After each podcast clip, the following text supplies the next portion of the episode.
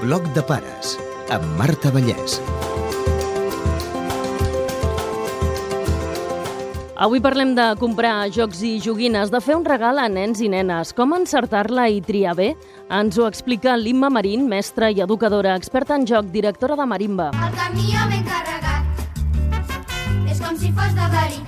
El primer és pensar en el nen o la nena a qui li anem a regalar, no? Com és, què li agrada, què necessita, què li convé per la seva edat, les seves capacitats, les seves habilitats. Després que sigui una joguina estimulant de les ganes de, de les ganes de pensar, sentir, abraçar, córrer, riure... Que dintre de totes les jocs i joguines que tingui sigui coherent, diguem-ne, no? Si tots són nines, doncs poder no cal una altra, no? Poder, hi ha altres coses, no? Sigui variada, podríem dir. I l'últim és siguin de qualitat i segures. I també podem provar de sorprendre'ls. Si tu te l'has observat abans, tu saps amb allò que s'encanta. Que potser arriba, arriba ara l'època de Nadal i Reis i d'aquelles coses que s'encanta jugant no se'n recorda perquè està bombardejat per la publicitat, els anuncis, els catàlegs, però en canvi tu saps que amb allò pots disfrutar, no? I llavors ni se'n recorda i va i el sorprens, no? Jocs i joguines per cada etapa, els més petits. El primer any és molt variat, no? Perquè passem de tenir una criatura amb el bressol que no es belluga si no la bellugues, a una criatura d'un any que si no camina sol està a punt de fer-ho. Per tant, aquí la varietat de joguines és molt gran i sobretot són joguines que el que inciten aquella criatura és a bellugar-se. Activitat psicomotora i activitat sensorial, no? Sentir, mirar, olorar, I quan es fan una mica més grans? obres una altra nova possibilitat. Comencen a aparèixer alguna petita espurna del que seria el joc simbòlic. No estaran fent el rol de, però sí que ja els agrada agafar una nina i pentinar-la o banyar-la. A l'edat dels dos, tres anys, les cuinetes, els cotxets, eh, de passejar les nines, els cotxes, les disfresses, les titelles, eh? tot això va augmentant ja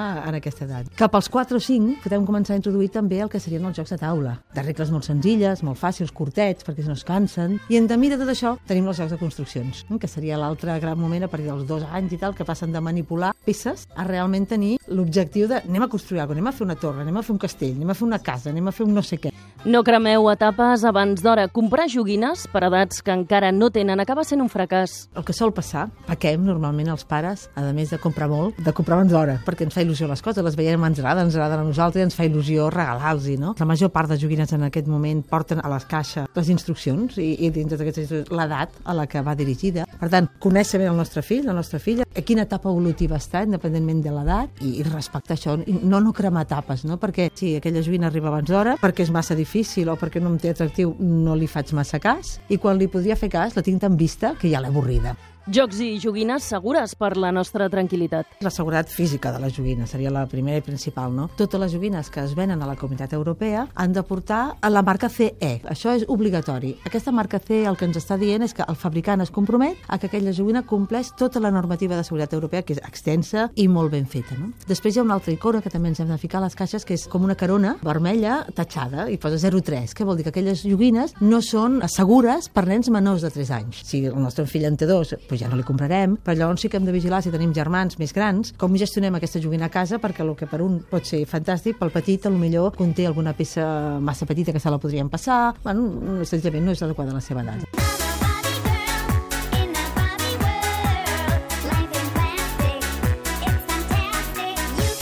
Diferències de sexe segons quina joguina regalem? La joguina no és sexista, és l'ús que en fem d'ella. Quan aquella nina li donem a una nena i li prohibim a un nen, estem fent d'aquella nina un objecte sexista. Tant nens com a nenes els hi agrada o els hi pot agradar jugar nines, no? I més ara, no?, que sobretot els nens cada cop veuen més pares que porten les criatures al col·le, que canvien els espanyals al seu germanet petit, que li donen de sopar, que està a la cuina preparant alguna cosa, per tant, que els nens, nois, vulguin imitar els seus pares és absolutament natural. Sobretot, el que és sexista som els adults, que o bé organitzem i classifiquem les joguines d'una determinada manera, com tu estàs dient, joguines roses per les nenes en el catàleg, blau marins i vermelles i fosques pels nens a l'altra part del catàleg, els anuncis de televisió, etc etc.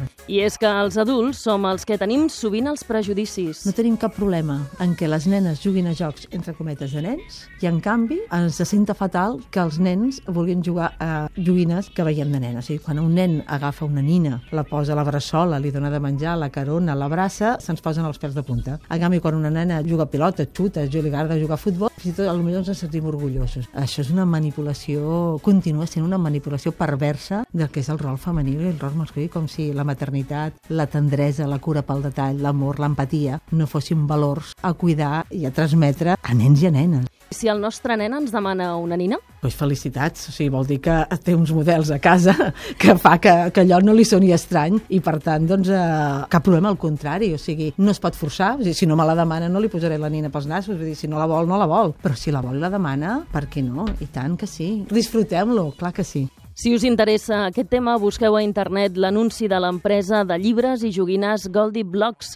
Tres nenes miren avorrides un anunci de nines per televisió i es rebel·len. És en anglès. La cançó diu... You like to buy us pink toys. Us agrada regalar-nos joguines roses. I tota la resta és per nois. Sempre ens porteu nines. I crecerem com elles, falses. És temps de canviar. Mereixem viure una revolució. Totes les joguines semblen iguals. I ens agradaria fer servir els nostres cervells. Som alguna cosa més que princesetes. L'anunci acaba dient joguines per futures enginyeres. Divertit de veritat i, sobretot, necessari per trencar estereotips. Em posaré una corbata i un nas ben plantat i seré presidenta, no ho trobis escavallat. Joguines objectes violents. Què passa si ens demanen una espasa o una pistola? El joc, sobretot el joc simbòlic, és un joc d'imitació. I els nens imiten allò que ens veuen fer els adults, para lo bueno i para lo malo. Els nens estan envoltats de violència, per tant, la reprodueixen. Si volem que els nens deixin de jugar a jocs violents i agressius, el que hauríem de fer és tenir una societat menys violenta i menys agressiva. Sempre és millor que l'arma, diguem-ne, se la fabriqui als nens. És millor que se la facin de Lego, se la facin amb els dits. També és veritat que aquestes armes bèl·liques, quan més llunyanes de la realitat, psicològicament més lluny està de reproduir accions reals. Per tant, sempre és millor una espasa o un cas de viking que l'última revòlver o l'última metralleta que s'està utilitzant a la guerra de no sé què. Però no sempre és un objecte. Situacions a priori innocents tenen una gran càrrega d'agressivitat. Hauríem de distingir el que és jugar amb joguina bèl·lica del que és el joc agressiu. O sigui, tu pots estar jugant amb, amb armes i ser un joc com si estigués jugant a polis i ladrones, a pares i mares o a bombers. I hi ha d'altres jocs que no utilitzen armes que poden arribar a ser molt agressius. Per exemple, els partits de futbol dels dissabtes de matí de les escoles. Perquè allà la violència és real i aplaudida pels adults. I això fa molt més mal que un sac de pistoles a l'habitació de casa. Just Parlem de pantalles, iPods, PSPs, smartphones. Què fem? les coses eh, hi ha l'ús i hi ha l'abús. I Les pantalles tenen un poder d'atracció enorme. No als nens, a tots nosaltres. Qualsevol de nosaltres, i vas al metro i estem, estem tots enganxats o llegint tuits, o jugant a l'Angry Birds o al, al que estigui de moda en aquell moment. El Candy, el Candy Crush. jo, també, també. Tinc una pantalla que no me la passo ni a la de 3, catxis. Per tant, això, això ho hem de tenir en compte. Si a nosaltres, els adults, això ens costa gestionar-ho, com no li ha de costar a una criatura? Per tant, aquí hem d'ajudar a triar adequadament a què anem a jugar, què anem a fer, anem a veure una pel·li, anem a fer un joc, i també el temps i el quan. Hi ha moments ideals per jugar a un joc de pantalles, hi ha altres moments que hem d'estar pels altres, podem jugar altres coses, si estem al carrer, en un parc, no ens posarem a jugar amb una pantalla. Hi ha mil incentius i estímuls. Si estem eh, en el metro, doncs avorrits, doncs potser sí que és un moment estupendo per passar una estona. Com evitem que el nen o la nena rebi una llau de regals excessiu? Tu pots agafar una capsa d'una joguina i esbarlar-la i allò que hi ha dintre, fer paquetets, i ja tens 12 paquetets per obrir, i millor és tot de la mateixa joguina. El que senta malament és que en un moment determinat una avalanxa que no pots com digerir, no? És veritat que hi ha moments, doncs, l'aniversari, al Sant, Nadal, Reis, per suposat, doncs, que ens fan regals i, per tant, arriben més a l'hora. Llavors, aquí el que és important és veure quina edat dels nens. Si un nen té dos anys, amb dos, tres joguines, és ja una avalanxa. Si en té sis o set, doncs això ho podem allargar. Tot depèn de la màgia, del misteri, de l'encant amb què sapiguem envoltar cada paquet. és molt diferent que obris la porta del menjador i sálvese quien pueda, i ja va tothom a obrir capses i a trencar coses, que això diu, comences creix una màgia, dir, ah, que ens hauran portat, que haurà deixat el Papa Noel, obrim la porta, no l'obrim, mireu, ui, ha paquets, quants paquets els contem? Tants paquets, què en farem? De, com els obrim? Ah, pel que, què comencem, pels petits o pel més gran? Tu quin vols obrir? Ara comences tu, i tots mirem què obres. I oh, i aplaudim, i després l'altre, i depèn de com ho facis, allò et pot sentar també d'una manera molt diferent. Un vespre quan jo era petit, recordo bé, el pare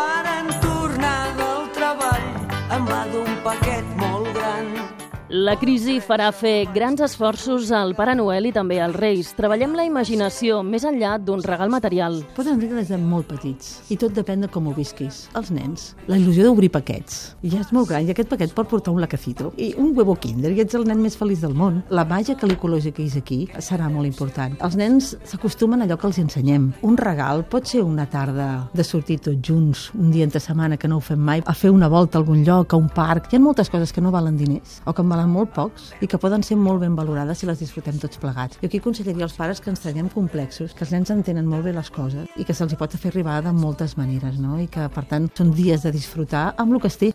La carta als Reis és completa, però els podem fer entendre que tot, tot, tot no podrà ser? Mai s'ha de portar totes les coses que demana una criatura, per criteri, no? és que, encara que puguis. Els nens han de saber que no es pot tenir tot, perquè la vida no es pot tenir tot, i això ja ho sabem de grans. Més val que, més val que ho vagin sapiguent de, de ben petit, i que això no, no et condiciona a ser més feliç. Evidentment, allò que li m'ha fet més il·lusió a ser possible, doncs sí, que arribi d'una manera o d'una altra, ho podem, a veure com ho podem apanyar, no? però no cal tot, i sempre alguna sorpresa. Com s'ha de fer la carta a ses majestats? Des del setembre, quan comença el col·le, ja s'ha de començar a fer la llista de la carta als Reis, perquè després arriba l'últim moment i t'oblides i acabes posant coses que no volies i les que tu volies se t'han oblidat. Apunteu-t'ho tot, mai se sap, tu t'ho apuntes tot. Quan tens aquella llista de 20 o 30 coses, llavors cal fer una tria. No renunciar, sinó fer una tria, escollir el que més desitges. que tomba-li del dret a Hi ha un primer aprenentatge i és que la carta als Reis no és una llista de la compra. Estimat Renet, jo vull, com que jo vull? Estimats Reis Mags, em dic fulanito de tal, sigui, et presentes, aquí hi ha unes normes de cortesia, d'empatia cap a l'altre. Sempre varia molt si tu penses què vols, que si la pregunta que et fas és què desitjo, què em fa il·lusió. Et surten joguines, però també et surten altres coses. Passar una tarda a casa dels avis, convidar els meus amics a casa per fer no sé què. Tot això són aprenentatges, són valors que transmetem als nostres fills. que s'ha deixat de joguines i jocs escampades a l'eixida i entre els meus genolls vens a plorar. És un bon moment, una oportunitat també per transmetre valors. com preparar la casa per l'arribada dels Reis. Hauran de trobar la casa endreçadet i mona, si no passaran de llarg. I les nines que ens van portar l'any passat, i els cotxes i les disfresses una mica polides i ben posades, si no, aquella casa què deixaran si veuen que tenim tot pels Reis també, una, una copeta de cava, una coseta així, també els agrada molt que els hi deixis, eh?